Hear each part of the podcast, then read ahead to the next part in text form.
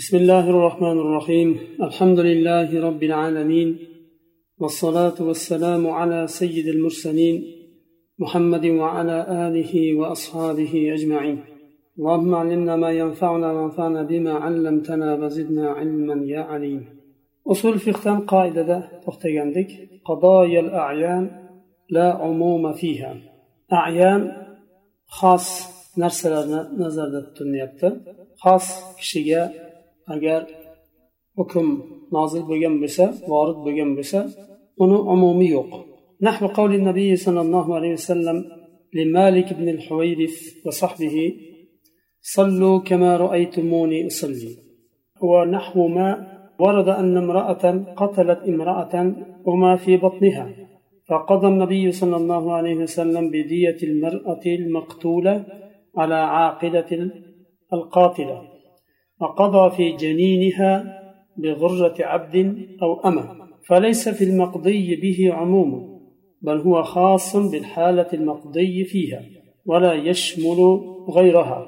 على أن ذلك لا يمنع أن يقاس غيرها عليها إذا تمت الموافقة بأن لم يكن هناك فارق مؤثر كما سيأتي ويكون ذلك عموما معنويا. مالك بن الحويرث roziyallohu anhu va u kishining do'stlariga rasululloh sollallohu alayhi vasallam aytadilar sallu kama usalli. Men qanday namoz o'qiyotganimni ko'rsanglar shunday namoz o'qinglar.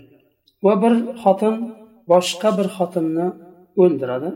U o'ldirilgan xotinni bolasi ham bo'ladi homila bo'ladi. Rasululloh sollallohu alayhi vasallam bu o'ldirilgan xotinni diyasini o'ldirgan xotinni qarindoshlariga qabilasiga to'lashni buyuradilar. Va janin homilani qornidagi bolaga abid av ama bu ayblardan salomat bo'lgan yosh qulni yo cho'rini buyurdilar to'lashni bu yerda qazo qilingan hukm qilingan narsada umum yo'q. Chunki xos hukm qilindi bir ayol ikkinchi ayolni o'ldirganda shu xotinni ustidan hukm qilindi. U xotindan boshqani o'zini ichiga olmaydi. Lekin bu hukm shu xotinni ustidan hukm bo'lib tushganiga vorid bo'lgani shu xotinga boshqasini qiyos qilishlikdan man qilmaydi. Agar muvaffaqat bo'lsa ya'ni ayni shaklda bo'ladigan bo'lsa qiyos qilinadi. Va agar fariqun muassirun hukmga ta'sir o'tkazadigan fariq farq bo'lmasa o'rtasida. Chunki qiyosni shartlaridan fara aslga muvofiq kelishi kerak. Agar fara bilan aslni o'rtasida farq bo'ladigan bo'lsa u holda al qiyasu ma'an fariq deyiladi. Qiyos qilib bo'lmaydi. Kamasayati u qiyos narsada keladi. Bu ma'naviy umumga kiradi. Boshqa qoida tarkul istifsol. بشقى قاعدة ترك الاستفصال في مقام الاحتمال يجري مجرى العموم في المقام احتمال o'rnida istifsorni tark qilishlik kengroq so'rab tafsiloti bilan so'rashlikni istifsol deydi yo istifsor ham deydi ehtimol bo'lgan o'rinda ikki uch ehtimoli bor lekin shu ehtimoli bo'lishi bilan bir vaqtda uni istifsor qilinmadi tafsilotini so'ralmadi ehtimollarni birisini tayin qilishlik uchun so'ralmadi Bu holatda maqolda umumni ifoda qiladi.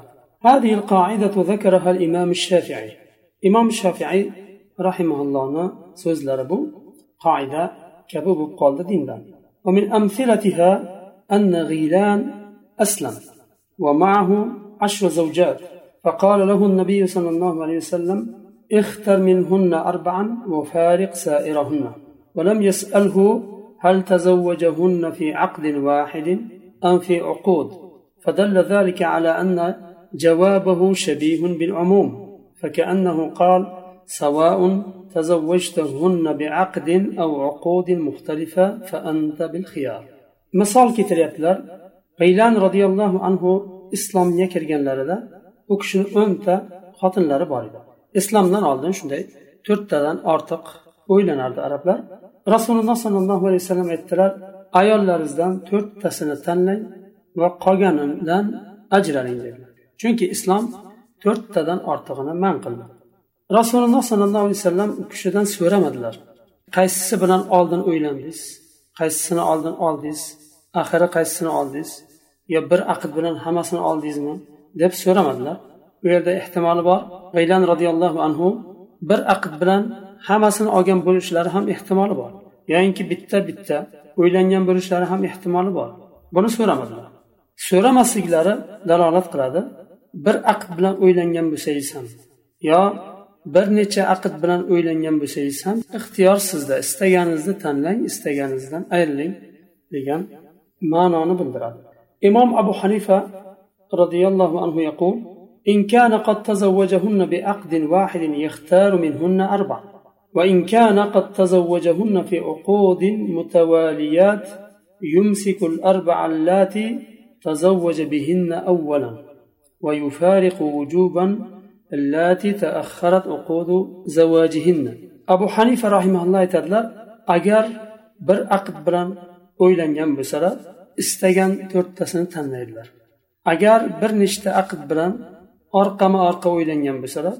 birinchi to'rttasini tanlaydilar qolgani o'z o'zidan vujuban ajralib ketadi قال وقضية غيلان واقعة عين فيحتمل أن يكون غيلان قد تزوجهن معا وأن يكون تزوجهن واحدة بعد واحدة ومقتضى الأصول التخيير في الحالة الأولى دون الثانية بل في الحالة الثانية يفارق من تزوجهن بعد الرابعة ولا بد ويحصل الفراق جبرا بمجرد إسلامه ويقول هذه واقعة حال ويحتمل أن النبي صلى الله عليه وسلم علم أنه تزوجهن معا فلم يسأله عن ذلك.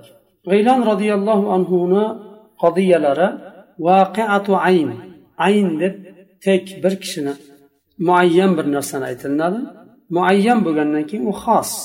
ya'ni xos bo'lgan voqea u ehtimol u kishi bir aqd bilan o'ylanganlar hammasiga. Ehtimol bittasidan keyin boshqasini navbatma navbat o'ylanganlar. Ixtiyor berishlik usuli nimani taqozo qiladi? Birinchi holatni taqozo qiladi ikkinchisini emas. Ya'ni hammasini bir aqd bilan o'ylangan bo'lsa u holatda ixtiyor qilinadi chunki hammasi aqdda bir xil huquqlik. Ammo biridan keyin ikkinchisi navbatma navbat o'ylangan bo'lsa birinchi to'rttasi qoladida qolgani o'z öz o'zidan islomni qabul qilishi bilan chiqib ketib qoladi nikohidan deydilar. Va bu holat u kishiga xos bo'lgan holat va ehtimol rasululloh sollallohu alayhi vasallam bilgan bo'lishlari ham ehtimoli bor. U kishini bir aqd bilan hammasiga bir vaqtni o'zida o'ylanganini bilgan bo'lishlari ehtimoli bor. فالقاعدة في حد ذاتها متفق عليها وتنطبق يقينا إن علم أن النبي صلى الله عليه وسلم لم يكن عنده علم بالواقع من الصورتين. فإن علمنا أنه كان يعلم بالصورة المسؤول عنها كيف وقعت فلا يكون ترك الاستفصال بمنزلة التعميم في القول. بو قاعدة متفق عليها بجان قاعدة بو. وبو قاعدة تغرق إلى أجر rasululloh sollallohu alayhi vasallam ikkala suratni ham bilmagan bo'lsalar. Ikkala surat derkan birinchi surat o'ylangan kishi g'iylan roziyallohu anhu o'nta ayollariga bir aqd bilan o'ylanishlari bu birinchi surat. Ikkinchi surat navbat bilan alohida alohida har biriga o'ylanganliklari ikkinchi surat. Ikkalasini ham bilmagan bo'lsalar bu qoida bu nimaga tushadi? Agar bir bilsakki rasululloh sollallohu alayhi vasallam u kishini holini bilgan ekanini bilsak u holatda tarkul istifsol bimanzilati ta'min fil qavl deyilmaydi. Chunki istifsolni tark qildilar chunki holatni ko'rib bilib turganliklari uchun tark qildilar. Holatni bilmagan holda istifsolni tark qilsalar u holda bu qoida to'g'ri keladi. Navbatdagi qoida خطاب الله تعالى للنبي صلى الله عليه وسلم يعم الأمة. الله تعالى رسول الله صلى الله عليه وسلم يبغن خطابه ummatga ham umumni ifoda qiladi ummat ham shu xitobni ما ورد من القرآن مبدوءا بقول الله تعالى يا أيها النبي. هو من حيث اللفظ موجه إلى النبي صلى الله عليه وسلم ويقتضي اللفظ تخصيصه به. إلا أنه مع ذلك يحمل على العموم الأمة قرآن دا آيات كلا يا أيها النبي دب boshlangan oyatlar ey payg'ambar lafz bu yerda rasululloh sollallohu alayhi vasallamga yo'naltirilyapti xitob qilinyapti lafzni taqozosi u kishiga xos ekanligi ya'ni lafz oyat u kishiga xos ekanini taqozo qiladi lekin shu bilan birgalikda shunday bo'lsa ham hukmning umumi ummatga ham yuklanadi. وليس هذا من العموم اللفظي المصطلح عليه بل هو عموم من حيث المعنى. Bu istilohdagi umum emas lafzning umum emas bu ma'no jihatidan bo'lgan umum. ووجهه أنه صلى الله عليه وسلم قائد أمته في مصيرتها إلى الله تعالى.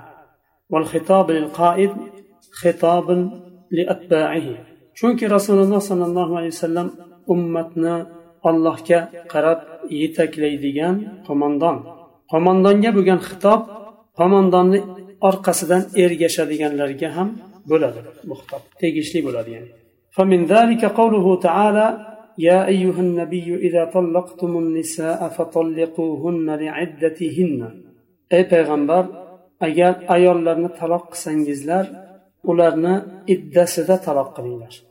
Ya'ni iddasida taloq qilinglar degani idda tutishlik halol bo'lgan mumkin bo'lgan zamonda taloq qilinglar. Shuning uchun hayz vaqtida taloq qilinmaydi yoyinki tuhur vaqtida agar qo'shilingan bo'lsa hayzdan chiqib tuhurga kiradi. Shu tuhur vaqtida jinsiy aloqa bo'lgan bo'lsa u tuhurda taloq berilmaydi hayzni kutiladi hayzdan chiqqandan keyin tuhurga kirgandan keyin taloq beriladi bu shu tuhurdan boshlab iddani tutib boshlaydi boshqa oyatda ya ayyuhan nabiyyu jahidil kuffara val munafiqin ey payg'ambar kofirlarga va munofiqlarga qarshi jihod qiling deb alloh taolo buyurdi والشمول هنا جاء من أدلة خارجية وليس بمقتضى اللفظ لأن اللفظ خاص والشمول المذكور في هذا النوع هو الأصل والأكثر بيرد الشمول عموم يعني شمول بحكم فقط كان رسول الله صلى الله عليه وسلم خاص بمستن أمتنا هم o'zini ichiga olishligi lafzdan kelmadi bu umum hukmni umum bo'lishi xorijiy bir dalildan keldi lafzning taqozosidan emas chunki lafz xos bo'lyapti ya ayyuhan nabiyu deb rasululloh sollallohu alayhi vasallamga xitob qilinyapti va zikr qilingan shumul bu navada u asl va ko'proq chunki rasululloh alayhi vasallamga qilingan xitob ummatiga ham tegishlik ولا يحمل على الخصوص إلا بقرينة agar shumul hukmni umum bo'lishi asl bo'ladigan bo'lsa rasululloh sollallohu alayhi vasallamga xos bo'lishi uchun qarina bo'lishi kerak. Agar qarina bo'lmasa umumligida qolaveradi. Buni misoli haqiqat va majoz so'zdagi asl haqiqat. Majozga tavilga burilmaydi agar bir dalil va qarina bo'lmasa. Bu ham shunga o'xshagan hukm. Agar rasululloh sollallohu alayhi vasallamni o'zlariga xos xitob qilingan bo'lsa ham ummatga ham tegishli bo'ladi. bu asl bu asldan chiqishi uchun rasululloh sollallohu alayhi vasallamni o'zlariga xos bo'lishi uchun qarina bo'lishi kerak alomat bir belgi bo'lishi kerak ومثله قوله تعالى يا أيها النبي إنا أحللنا لك أزواجك إلى قوله وامرأة مؤمنة إن وهبت نفسها للنبي إن أراد النبي أن يستنكحها خالصة لك من دون المؤمنين الله تعالى ya ayyuhan nabiy deb boshladi oyatni. Inna ahlalna laka azvajak biz sizga ayollaringizni halol qildik. Va oyatni oxiri tugayapti. Vamraatan mu'minatan in wahabat nafsaha lin nabiy bir mu'mina ayol o'zini rasululloh sollallohu alayhi vasallamga hiba qilib bersa aytsaki yo rasululloh men o'zimni sizga hiba qildim hadiyaga o'xshagan. Ya'ni hiba deganda mahr shart bo'lmaydi. Mahr kerak emas. O'zimni o'zim hiba qildim desa rasululloh sollallohu alayhi vasallam uni istasalar nikohlariga olishlari mumkin edi. Shuning uchun in nabiyyu an yastankihaha. Agar payg'ambar nikohiga olishni istasa o'zini hiba qilgan ayolni oladi uni haqqi bor. Undan keyin alloh taolo xolisatan laka dedi. Bu qarina bu. U kishiga xos bo'ldi bu. Bu xolis sizga faqat. Min dunil mu'minin mo'minlardan boshqa. Bir mo'mina ayol kelib rasululloh sollallohu alayhi vasallamdan boshqa bir musulmonga men o'zimni sizga hiba qildim deyolmaydi deyishi mumkin. Va shu musulmon o'ylanishi ham mumkin lekin mahr vojib bo'ladi. Agar mahrni aqdda zikr qilinmasa o'z o'zidan bu uylangan kishini ustiga zimmasiga mahrul misl tushadi uni berishlik vojib bo'ladi ummatga mahr vojib minhu sizga xos xolis degan lafzdan bilindiki bu xos rasulullohga xos ya'ni sallallohu alayhi vasallam أن هذا الحكم الأخير خاص به عليه الصلاة والسلام أما غيره فلا تحل زوجة لزوجها إلا ويلزمه لها مهر أما رسول الله صلى الله عليه وسلم boshqa kishiga bo'lsa bu xotin nikohiga chiqqan eriga halol bo'lmaydi magar o'zini nikohiga oladigan bo'lsa bu ayolga mehr berishlik vojib bo'ladi لقوله تعالى وآتوا النساء صدقاتهن نحلة niso surasida alloh taolo ayollarga saduqotihinna ya'ni mahrlarini beringlar deb buyurdi amr sobit bo'ldi amru lil vujub qoidada kelgandek boshqalarga mahr berish vojib bo'ldi va mahr qiymati bo'lgan har qanday narsa joiz bo'ladi qoida muhimma هل يعمل بالعام قبل البحث عن المخصص muhim bo'lgan qoidani bu yerda zikr qilyaptilar muxassis ya'ni hukmni umumini xoslaydigan dalilni izlashdan oldin omga amal qilinadimi? لما كانت أدلة الشرع قد وردت منجمة بحسب الحوادث فإن بعضها يبين بعضا فينبغي للعالم أن لا يتسرع في الإفتاء بمقتضى اللفظ العام حتى يبحث لعله أن يكون قد خصص بدليل آخر يتعلق بالمسألة المسؤول عنها shariatni dalillari munajjam holatda bir vaqtda emas mufarraq bo'lgan holda hodisalarga ko'ra nozil bo'ldi vorid bo'ldi shuning uchun ba'zi dalillar boshqa ba'zilarini bayon qiladi bir olim fatvo beradigan bo'lsa fatvoda shoshilishligi lozim bo'lmaydi lafz umumni taqozo qilyaptiku demak bu dalilning umumi bilan fatvo bersa bo'ladi deb shoshilib fatvo bermaslik kerak balki balkim bu dalilni hukmni xoslaydigan bir muxassis bordir deb muxassisni izlashlik kerak misol keltiryaptilar لو سأله رجل فقير من أهل البيت عن أخذه للزكاة فنظر إلى قوله تعالى إنما الصدقات للفقراء والمساكين. فأفتاه بأنه ما دام فقيرا حلت له الزكاة. عملا بعموم للفقراء. لكانت فتياه خطأ. إذ هذه الآية مخصصة بحديث إن الصدقة لا تنبغي لآل محمد. وكان على المفتي أن يبحث عن مخصصات هذا العام في النصوص الصالحة للتخصيص الواردة في الشريعة فإفتاؤه بمقتضى العموم قبل البحث عن المخصصات تسرع ينبغي للمفتي أن يتوقاه. أجر أهل بيت بر كشي كلب بر فقير إنسان كلب زكاة علش ممكن ما دب بر آرمنا فتوى سورسا وآرم فتوى بروش إنما الصدقات للفقراء والمساكين آية الأموم بلن bo'laveradi deb hukm qilmaslik kerak. Chunki lil fuqaro val masakin deyildi faqirlar va miskinlar. Bu kishi ahli baytdan bo'lsa ham faqir va miskin demak zakotni olsa bo'laveradi degan hukmni shoshilib bermaslik kerak. Agar shunday hukm beradigan bo'lsa bu fatvo xato bo'ladi. Chunki bu oyat hadis bilan xoslangan. Rasululloh sollallohu alayhi vasallam hadisda sadaqa muhammad sollallohu alayhi vasallamning ahli baytiga to'g'ri kelmaydi lozim bo'lmaydi olishligi shuning uchun muftiy dalillardan izlashlik kerak. Shariatda vorid bo'lgan xos qilishlikka solih bo'lgan yaroqli bo'lgan dalillarda izlashlik kerak balkim bu hukmni umumi xoslangandir bir dalil bilan. Izlamasdan turib hukmni umumi bilan fatvo beradigan bo'lsa demak bu fatvoda shoshilishlik bo'ladi va bundan muftiy uzoqroq turishi kerak qo'rqish kerak yani. ثم إن بحث جهده فلم يقع على شيء وسكنت نفسه واطمأنت إلى أنه ليس هناك مخصص فله أن يفتي بمقتضى العام لأن مقتضى العام شموله لجميع أفراده ودلالته على كل فرد من أفراده من قبيل الظاهر كما تقدم